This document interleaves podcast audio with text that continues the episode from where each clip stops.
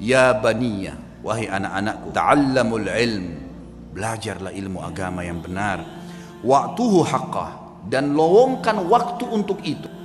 Innakum in takunu sigara qaumin. Kalau seandainya hari ini kalian menjadi orang yang kecil fa'asallahu an yaj'alakum bil ilmi kubara al kaum. Maka satu waktu pasti Allah jadikan kalian orang yang besar karena ilmu itu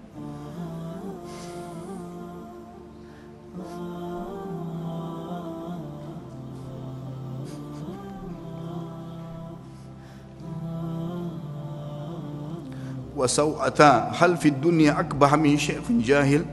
Dan sungguh buruk sekali.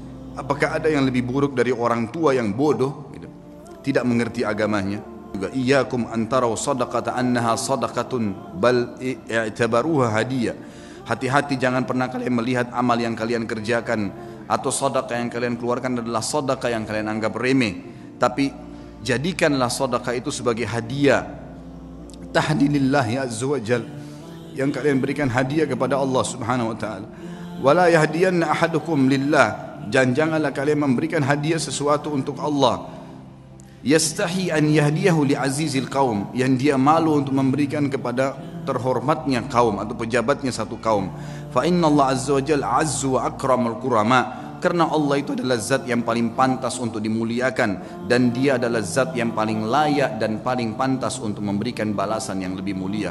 Wa haqqu an takhtar li hadiyatikum. Dan yang paling pantas kalian berikan hadiah yang terbaik dari kalian. Akan ya baniya wahai anak-anakku idza ra'aitum min rajulin fi'latal khair. Kalau kalian melihat dari seseorang perbuatan baik darinya fa'ammilu bihi khaira maka pasti jadikan orang itu baik sangka baiklah kepada orang itu.